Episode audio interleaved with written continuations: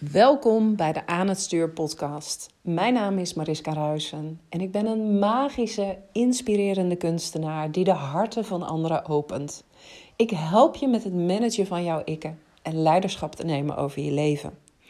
Dat gaat verder dan alleen controle krijgen over negatieve en kritische stemmetjes in je hoofd, heb ik gemerkt.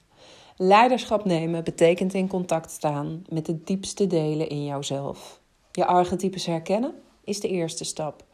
Volledige vrijheid ontstaat bij de belichaming ervan. Pas als je volledig in je lichaam bent gezakt, kun je je opnieuw verbinden met jouw innerlijk kompas. Want die weet altijd de weg. Ik wens je heel veel luisterplezier. Ja, en in deze podcast ga ik je meenemen in een uh, heel persoonlijk verhaal. Uh, een doorbraak die ik afgelopen week had. Um, vanwege al het innerlijk werk wat ik zelf nog doe. En ik wil je ook laten zien uh, met dit verhaal. Um, dat dit dus ook in jouw leven kan doorwerken. Dat er misschien wel situaties zijn waar de, waarvan je denkt: oh shit, dit herken ik. Um, het is namelijk zo, en dat, dat weet ik al heel lang vanuit mijn werk als traumatherapeut. Uh, dat je voortdurend situaties op jouw pad krijgt waarin je mag helen.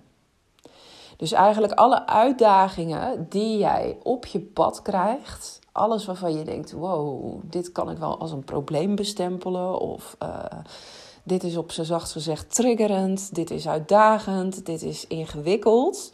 Die situaties, die brengt het universum juist op jouw pad om een sterkere versie van jouzelf te worden. Om ervoor te zorgen dat jij je gaat ontdoen van overtuigingen die ooit bij jou uh, zijn ingeplant. Die je ooit hebt opgenomen als kind. Dingen die je bent gaan geloven over jezelf als ik ben niet goed genoeg. En die jou uitnodigen om de regie weer terug te pakken en te zeggen: hé, hey, ik sta hierboven nu. Ik ga dit op een andere manier doen. Ik vlieg dit op een andere manier aan. En zolang je die stukken niet in jouzelf hebt geheeld, zolang je het niet hebt aangekeken en niet hebt gezegd van nou, ik ga met dat kleine meisje of dat kleine jongetje in mij aan de slag om te zorgen dat ik hier ver boven kan staan, gaat de situatie ook niet beter worden voor je. Um, zullen die dingen zich blijven herhalen? En kan het dus zo zijn dat ondanks dat jij eindeloos veel innerlijk werk doet, op zoek gaat naar waar zit het nu, de ene familieopstelling na de andere, en steeds denk je: hé, hey, ik pel een laagje af, en toch kom ik niet tot de kern kom ik niet tot die grote doorbraak waarmee ik nou die rode draad in mijn leven doorbreken kan. Waardoor ik uh, een kraan richting overvloed, welvaart, alles wat ik ook maar ontvangen mag, gewoon vrij uit openzet voor mezelf. Want ja, het, het is er niet. Het, het is er niet. En zolang het er niet is, dan weet je, ook als jij heel erg intuned op ik ga in de energie zitten van het is er al wel, dat er onderhuids nog een sabotagemechanisme bezig is.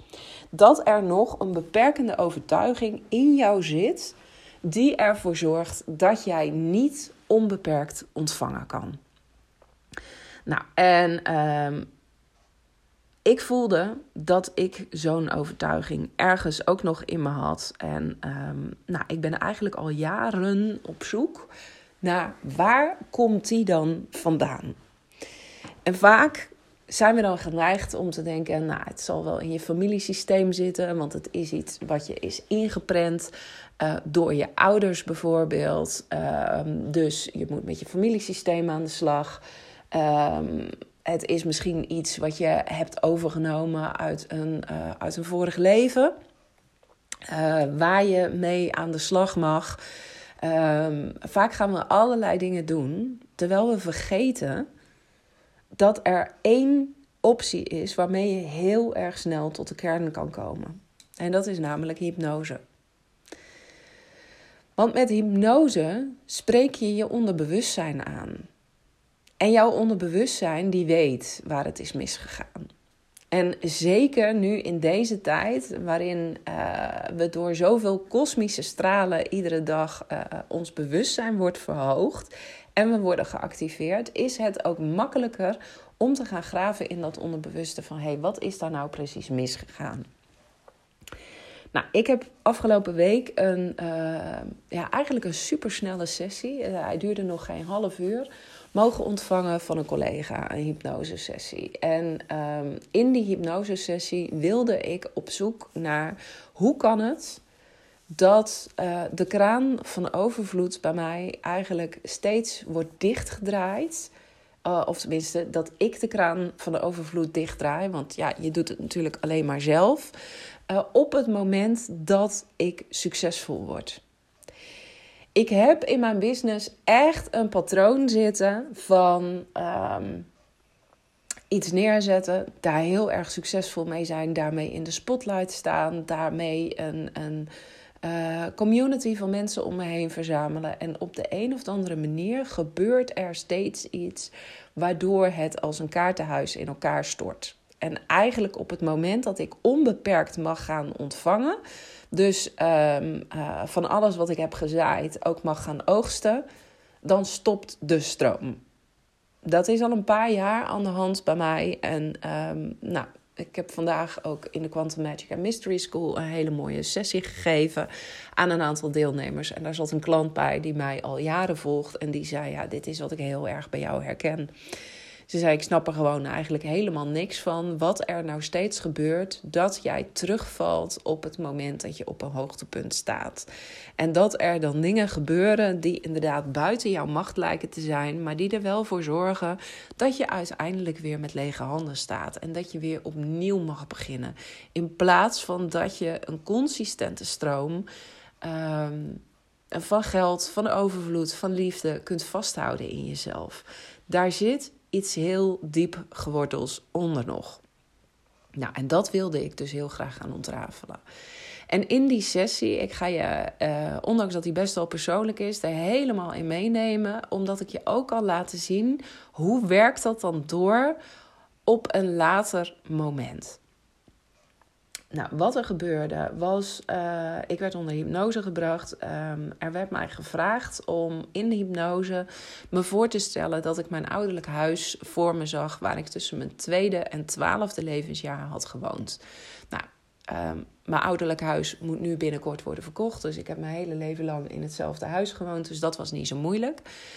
Uh, vervolgens mocht ik door de voordeur naar binnen gaan en uh, gaan naar uh, een kamer die ik had gehad. Nou, ik heb twee verschillende kamers gehad in het huis. Ik begon in een klein kamertje en daarna mocht ik naar een grotere kamer toe toen mijn zusje geboren werd. En ik mocht kiezen welke kamer dat was, want ik zou als vanzelf naar mijn kleine jij worden geleid op de leeftijd waar ik een bepaalde overtuiging over mezelf aangenomen had. En ik ging de slaapkamer binnen en ik zag mezelf op 10, 11-jarige leeftijd op bed zitten. En ik moest aan haar vragen: wat is er aan de hand? Nou, ze was hevig aan het snikken. Wat ik ook doe, het is niet goed genoeg. Um, uh, alles wat ik opbouw, dat raak ik weer kwijt. En vervolgens was de vraag: waar heeft dit mee te maken nu? En ik kon meteen voelen waar dit over ging. Het is misschien zelfs wel een voorval uh, wat ik alles eerder in deze podcast heb gedeeld, alleen dan in een andere context. Maar ik heb nog niet eerder kunnen voelen, doordat ik dus niet zo met mijn onderbewustzijn in contact stond. Waarschijnlijk heeft mijn onderbewustzijn dus al wel nutjes gegeven van hé, hey, hier zit nog iets in. Maar ik was me er niet van bewust dat dit zo diepgaand is geweest. Nou, als je deze podcast nog niet zo lang luistert uh, of je kent mijn verhaal niet, dan uh, is het goed om te weten dat ik altijd een beetje een buitenbeentje ben geweest op de basisschool. Uh, ik was de beste van de klas. En dat was niet omdat ik nou zo briljant was en zo gigantisch goed kon leren. Maar de hele klas zat op maximaal VMBO-niveau. En ik kon uiteindelijk met twee vingers in mijn neus gymnasium doen. Dus het was niet dat ik uitzonderlijk was, maar ik stak gewoon nogal af tegen het niveau van de rest van de klas. En ehm, daar werd door de leraren nogal misbruik uh, van gemaakt. Uh, zij wisten niet hoe ze daarmee om moesten gaan. Uh, zwakke broeders onderwijzen en gewoon onderwijs geven. Dat ging prima op het kleine dorpsschooltje waar ik zat. Maar zodra iemand ehm, ja, net wat meer in zijn mars had, dan wisten ze niet zo goed wat ze ermee moesten. En het resulteerde er ook in dat uh, de directeur van de basisschool uh, vlak voor de kerstvakantie, toen ik in groep 7 zat, uh, tegen mijn ouders zei: Wij zouden graag zien dat Mariska na de kerstvakantie overgaat naar groep 8. Want eigenlijk is ze hier al lang klaar. Wij kunnen haar niets meer uh, bieden. Zij is gewoon klaar voor het voortgezet onderwijs. En mijn ouders die wilden dat niet. Uh, omdat, en daar ben ik ze achteraf heel dankbaar voor. Want eigenlijk was ik op dat moment, had ik zeker nog niet alle lesstof gehad. Dat, dat, merkte ik ook wel toen ik een jaar later alsnog in de brugklas zat. En ik daar bij kinderen in de klas kwam, uh, waar 90% van de klas naar het VWO ging. Die waren vele malen verder dan ik op bepaalde vlakken. Die hadden al veel meer lesstof gehad. Maar goed, mijn ouders die wilden dat niet, want ik ben half juni jarig, dus ik ben een late leerling. En dat zou betekenen dat als ik naar het voortgezet onderwijs ging, dat ik nog maar amper 11 jaar was. En zij zeiden, nou, dat vinden we gewoon echt te jong. Laat haar nog maar een jaartje spelen op de basisschool. En dat was waar het misging. Eigenlijk ging het ook al wel in eerdere jaren mis. Maar groep 7, 8 was voor mij echt geen leuke tijd. Met name groep 7 niet. Um, want de leraar die wist gewoon echt niet wat hij met me aan moest. Dus die legde dan aan groep 8 uit welke sommen ze moesten doen. Uh, nieuwe dingen die nog best wel ingewikkeld waren. En vervolgens ging hij aan de andere kant van de school ging die administratie zitten doen. En dan zei hij, ja, als je een vraag hebt, als je er niet uitkomt, dan vraag je het maar aan Mariska, want die weet het wel. Natuurlijk heel raar als een kind uit groep 7 als leerkracht voor de rest van de klas, groep 7, 8, voor de klas moet staan.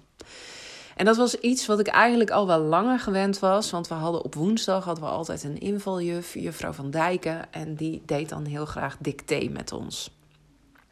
Maar ja, en dicté moet je ook nakijken. En zij vond dat wel leuk om dat klassikaal te doen. Dus in het begin had ze nog zoiets van: Nou, ik zoek vrijwilligers die de goede antwoorden willen opschrijven op het bord.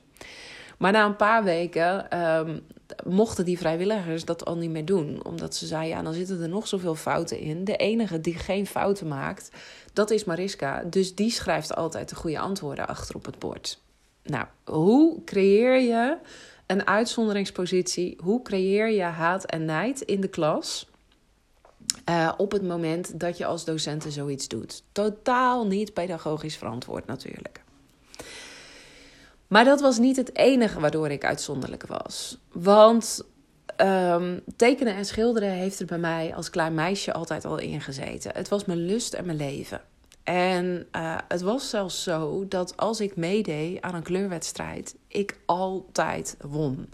Maakte niet uit of dat nou een kleurwedstrijd op het dorp was, of het iets regionaals was, of het zelfs iets landelijks was. Ik maakte iets moois en ik won. Als klein meisje, zonder dat ik me daarvan bewust was, zat de overtuiging erin geprent: ik maak iets moois, dus daar word je voor beloond. Punt. Dat was gewoon hoe het werkte in mijn hoofd. Maar de kinderen in mijn klas, die vonden mij natuurlijk al niet leuk, omdat ik altijd degene was die het beter wist en die hun fouten moest corrigeren. Maar als het natuurlijk dan ook nog zo is, als er een keer een leuke wedstrijd te winnen is en um, ja, er is iemand die voor jouw neus met alle prijzen ervan doorgaat, dan maak je je niet populair. Verre van. En dat was inderdaad wat er gebeurde. Toen ik een jaar of tien was, begon ik dat mechanisme in de gaten te krijgen. En ik had zoiets, nou, ik ga nu bewust iets doen om te zorgen dat ik de sympathie van mijn klasgenoten weer kan winnen. De bakker op het dorp die schreef een kleurwedstrijd uit. En als prijs bij die kleurwedstrijd kon je winnen dat de hele klas op roombroodjes zou worden getrakteerd. En ik dacht, ja, Ik ga dat gewoon winnen. Dus uh, de klas die wordt getrakteerd op iets lekkers. En ik kom weer bij de klas in de gunst. Want ja, dan heb ik een beetje goed gemaakt dat zij zo vaak worden teleurgesteld, omdat ik alles win. Ik wilde het zo wanhopig graag goed maken en ik wilde zo in de smaak vallen bij die klasgenoten dat ik dat op die manier heb gedaan. En jawel hoor, natuurlijk, ik won. Ja, dat was eigenlijk al geen verrassing meer. Dus de klas werd op roombroodjes getrakteerd en ik dacht, nu komt het goed. Maar vervolgens werd er ook een gigantisch cadeau de klas binnengesleept. Want ja, ik had wel gewonnen natuurlijk. Dus ik kreeg ook nog gewoon cadeaus. En dus zat het bij een aantal klasgenoten meteen weer tegen het zere been aan. Van ja, zie je wel, ze flikt het weer. Ze heeft het weer gedaan. Stom mens. En daar, op dat moment, op mijn tiende levensjaar, is er dus ergens in mijn hoofd iets helemaal scheef gegaan. Want heb ik gedacht, als ik alles toetrek, wat naar me toetrek, wat ik maar wil, dan word ik door anderen uitgekotst. Dan willen andere mensen me niet meer. Dan ben ik niet goed genoeg. Daar ben ik in een leugen gaan geloven. En die leugen, die heeft heel erg veel effect gehad op de rest van mijn leven. Nou, tijdens die hypnose hebben we dit stukje meteen geherprogrammeerd. Ik heb mijn kleine meisje gerustgesteld en gezegd dat wat zij daar is gaan geloven over zichzelf, dat dat niet de waarheid is en dat ik daar als volwassene nu boven sta. Ik ben ook samengesmolten met de versie van mij die al wel onbeperkt ontvangen mag. En het mooie was ook, toen ik dat deed, toen kreeg ik ook gewoon letterlijk iedere keer het gevoel bij, uh, bij dat meisje van ja, je wist het al toen je klein was. Je hebt er alleen afstand van gedaan. Jij maakt iets moois, dus daar word je voor beloond. Punt. Dat is hoe het universum werkt. Je hoeft je niet te bewijzen. Je hoeft niet keihard je best te doen. Je hoeft je niet te laten zien. Want als je dat doet, dan zit er een energie onder van angst. En dat is gewoon niet nodig. Het universum die beloont altijd. Nou, ik kon in die sessie al voelen dat er een enorme verschuiving gaande was. Vanochtend in mijn programma The Quantum Magic and Mystery School uh, waarin we uh, aan de slag gaan met dit soort thema's, deelde ik wat er was gebeurd. Juist omdat ik het zo belangrijk vond en juist omdat er ook een klant was die uh, in die sessie zei van ja, ik, ik heb het idee dat het enige wat ik hoef te doen is steeds terug te komen bij de meest krachtige versie van mezelf. En dat is natuurlijk wat je mag doen op het moment dat jij voor een kwantum leven wil gaan. Maar dan heb je wel eerst heel helder te zijn. Wat is het dan wat mij triggert iedere keer? Nou, en deze klant die loopt echt al jaren mee in mijn bedrijf. Inmiddels is ze ook echt wel een vriendin geworden van me, kan ik wel zeggen. Um, en voor degenen die dat niet weten, die eigenlijk pas op het kwantumstuk van deze podcast zijn aangehaakt. Ik heb eerst hele andere dingen in mijn business gedaan. Um, hiervoor had ik een bedrijf wat aan het stuur heette. Ik heb een coachkaartenset gemaakt en uh, die coachkaartenset die bestaat uit 40 uh, eh, typetjes, deelpersonages, stemmetjes in je hoofd. En met die kaartenset breng je in beeld wie zit er nou bij jou aan het stuur. Heeft jouw slavendrijver het voor het zeggen, jouw perfectionist, jouw pleaser of misschien zelfs wel jouw, uh, jouw levensgenieter. Maar is die een beetje doorgeschoten naar de andere kant, waardoor je nu niet meer zo productief bent. Nou, die kaartenset, dat is een enorm succes geworden. Uh, er werken inmiddels zo'n 1800 coaches en therapeuten in Nederland en België met die kaartenset. Um, ik heb in 2019 een boek erover uitgebracht. Want ja, leuk als je natuurlijk weet uh, dat je een perfectionist aan het stuur hebt. Maar je wil vooral weten hoe kom je daarvan af. Uh, en ik heb een hele methodiek ontwikkeld uh, daarbij om dat te doen. Om het juiste personage aan het stuur te zetten. Ja, in die tijd heb ik ook in totaal een veertigtal coaches en therapeuten opgeleid om met mijn methodiek te mogen werken. En een aantal van die coaches die vormden zo'n vier jaar geleden een soort harde kern om mij heen. We hadden ook afgesproken dat we als team echt het land in zouden gaan. Uh, dat we teamtrainingen zouden gaan uh, verzorgen. Uh, dat we aan het stuur als merk groots weg zouden gaan zetten. En we waren hele gave stappen aan het zetten daarin. En ik was echt super trots dat ik in no time een team van zes tot acht mensen, geloof ik dat het waren, om me heen had verzameld. Die allemaal net zo gek waren van uh, het managen van de stemmetjes in je hoofd als dat ik dat was. En uh, deze klant, die was, uh, die was daar onderdeel van. die deed daar ook aan mee. En zij heeft me op een gegeven moment gewaarschuwd dat ze zei: Maries, er gaat iets niet goed. Je hebt het niet in de gaten, maar er wordt achter je rug om, wordt er zo over je geluld. Uh, en dat is niet positief. Er zijn een aantal mensen hier in het team die aan jouw stoelpoten aan het zagen zijn. En als jij nu niet ingrijpt, dan gaan ze er straks met je methode vandoor. Ondanks dat hij gedeponeerd was en alles. Um, dit gaat helemaal mis. Dus kijk maar wat je ermee doet. Nou, en degenen die mij kennen, die weten dat ik uh, behoorlijk direct ben. Dus ik heb iedereen uh, ermee geconfronteerd. Van goh, ik, uh, ik hoor dat er achter de schermen aparte appgroepjes zijn. En uh, helemaal prima als jullie afspreken voor de leuk. Maar ik tolereer niet dat er in die appgroepjes over mij gesproken wordt. En over de keuzes die ik maak. Als je het daar niet mee eens bent. Want dan heb je het met mij te bespreken, één op één of in de groep. Maar als er dingen zijn die nu niet lopen zoals jullie willen, dan hoor ik het graag van jullie. En uh, nou, op het moment dat ik vol in mijn power sta, dan uh, kan ik best intimiderend zijn. En een aantal vrouwen voelden zich dus ook geïntimideerd. Die voelden zich daar niet prettig bij. Die voelden zich daar ongemakkelijk bij uh, dat ik dat zo vroeg. Terwijl ze tegelijkertijd ook wel door hadden van oeh, we worden als kleine meisjes op onze vingers getikt. Want ja, roddel en achterklap is gewoon niet, uh, niet zo fraai.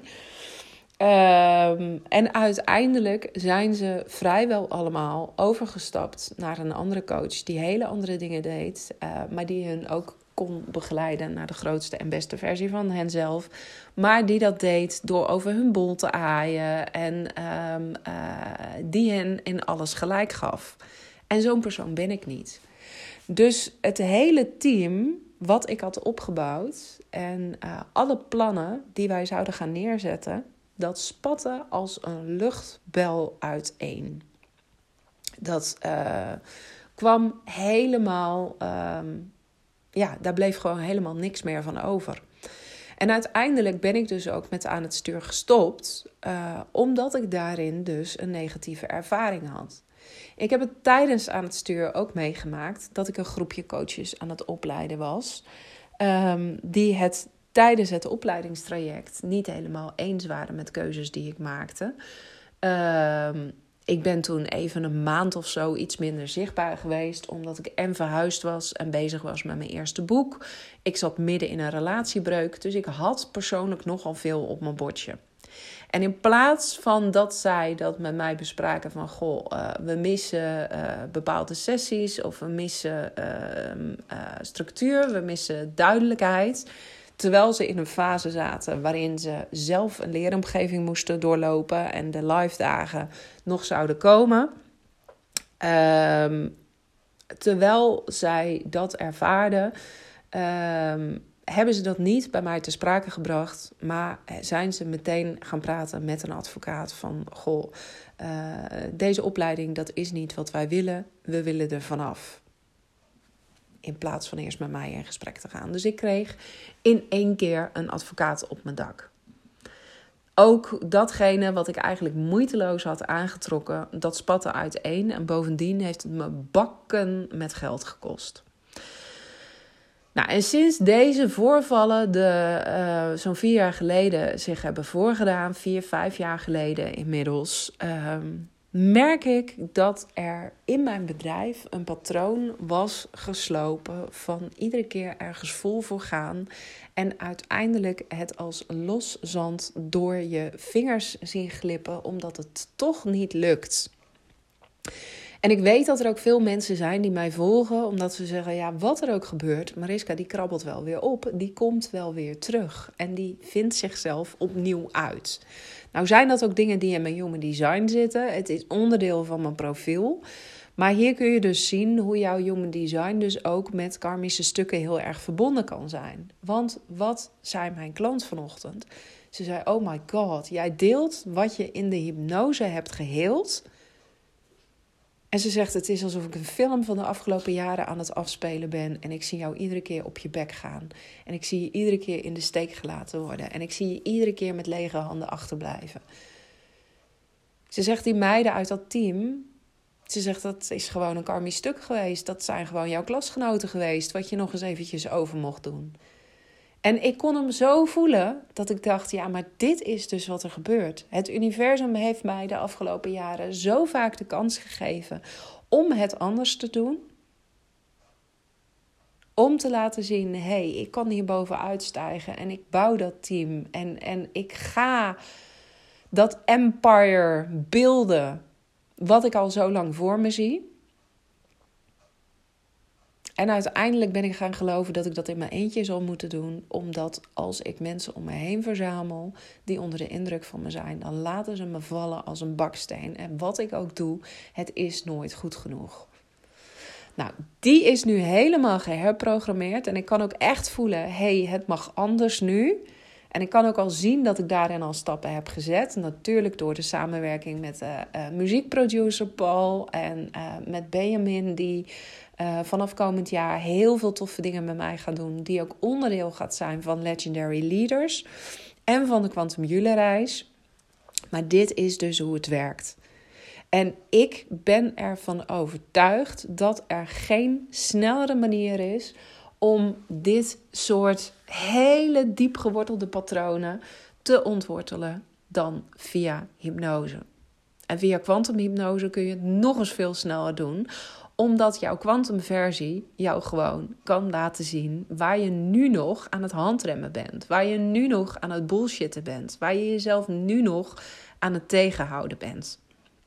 En dit is ook de reden waarom ik zo ontzettend trots ben op het nieuwe traject Legendary Leaders, wat binnenkort gaat starten.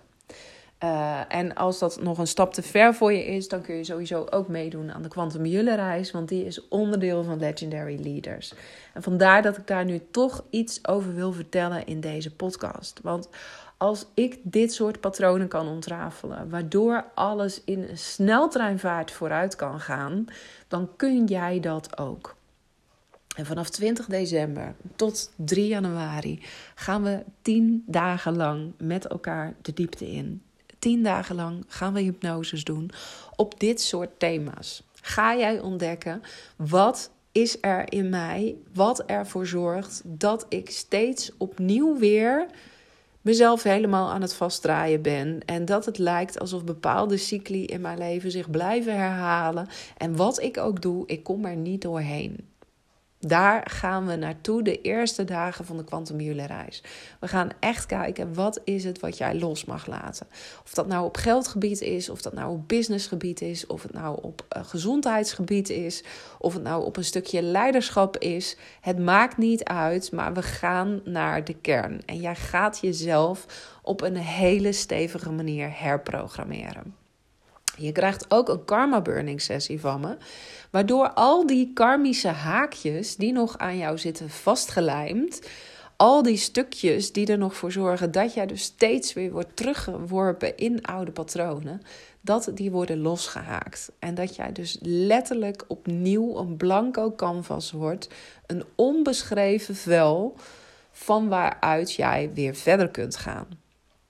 En dan de laatste dagen van de Quantum reis, dan gaan we natuurlijk in contact staan met die kwantumversie van jouzelf. Die versie van jou die al reeds is waar jij wil zijn. Die die stralende gezondheid heeft. Die zichzelf op alle vlakken van haar leven heeft geheeld. Die die droompartner heeft aangetrokken. Die ja, helemaal in love is met, met, met zichzelf, het leven en die alles naar zich toe trekt wat ze maar wil. Maar dat lukt pas als jij je van die beperkende overtuigingen hebt bevrijd. En als jij dus de angel uit die patronen hebt gehaald. Nou, de Quantum Jule reis kun je afzonderlijk boeken voor 249 euro. Uh, en ik heb hem nu ook beschikbaar gemaakt voor uh, in twee termijnen te betalen als je zegt december is al zo'n dure maand. Uh, wil je meedoen aan Legendary Leaders? Dan bereidt de Quantum Jule reis je daar heel goed op voor. En die is ook onderdeel van dat traject. Waarom heb ik het Legendary Leaders genoemd? Misschien ben jij ook zo iemand die voelt: ik heb het potverdomme in me om zoveel groter, zoveel succesvoller te zijn dan dat me tot nu toe is gelukt. En misschien heb je, net zoals ik, ook al wel successen behaald, maar was er iets in jou waardoor je het niet vasthouden kon? Was er iets waardoor je niet kon bestendigen en waardoor uh, alles wat je neerzette toch nog steeds vanuit forceren, vanuit hard je best doen, hard werken kwam, in plaats van dat het allemaal moeiteloos naar jou toe kwam gestroomd. Als jij zo iemand bent, als je zegt: Ik weet dat er iets veel groters in mij zit, ik weet dat mijn potentie vele malen groter is. En toch komt het er niet uit, dan wil ik je heel graag uitnodigen om mee te doen aan Legendary Leaders. Gaan we eerst al die overtuigingen, die gaan we ontwortelen, die gaan we losmaken uh, in de, tijdens de Quantum reis. En in januari krijg je drie masterclasses van me, waarin we heel diep ingaan op energetisch werk. Want het kan zomaar zijn dat jij mentaal er wel aan toe bent uh, om naar die next level leader te gaan en van 2024 jouw grootste jaar te maken ooit, op welk vlak dan ook. Maar op het moment dat jij het in je lichaam niet vasthouden kan, omdat er in je lichaam nog zoveel ongemak zit, dan vloeit het ook als los zand door jouw vingers heen. Je hebt te zorgen voor een fundering, voor een cement. Je hebt te zorgen dat jij zo standvastig, zo rock solid staat dat niemand jou meer omverblazen kan. En daar kunnen hypnoses heel veel in doen, maar als je dat combineert met lichaamswerken, dan wordt het ronduit magisch. Tegelijkertijd heb ik naast die masterclasses ook een episch dagretreat gepland op 19 januari van 10 tot 5 in Hoeve, uh, in een klooster een magische krachtplek. En tijdens die dag gaan we het aardse, het shamanistische, het stevig staan, gaan we verbinden met het kwantumwerk. Dus we gaan zorgen dat jij die magic legs wordt en dat je alles toetrekt wat je, naar je toetrekt wat je maar wil, maar wel vanuit een stevige gegronde plek, zodat jij nooit meer door wie dan ook of het nou gemene klasgenoten zijn, of het nou uh, roddeltantes zijn in een team. Wat het dan ook is, dat je daar nooit meer door omvergeblazen wordt. Maar dat jij echt je helemaal kunt ankeren met die legendary leader within. Tot maandag blijft de prijs voor Legendary Leaders, heb ik besloten, omdat ik zo druk ben geweest met mijn boek, nog 555 euro. Dan krijg je het boek, dan krijg je toegang tot de Quantum Jule reis, die alleen al 555 euro waard is. Dan krijg je drie epische masterclasses te waarde van 333 euro. En de uh, Legendary Leaders Day op uh, eh, 19 januari, die zal ook 333 euro uiteindelijk kosten. Dus je bent een schijntje kwijt als je hieraan besluit om mee te doen.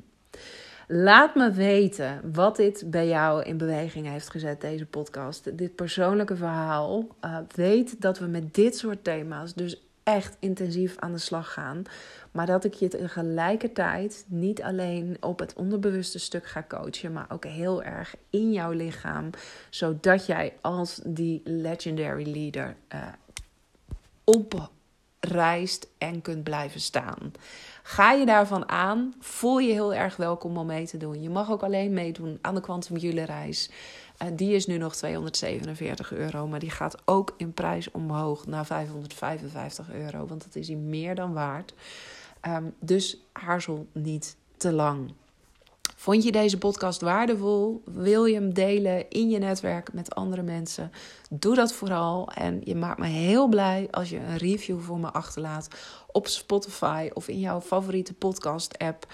Want hoe hoger de podcast beoordeeld wordt, hoe meer die door andere mensen gevonden kan worden. Nou, dankjewel weer voor het luisteren en tot heel snel.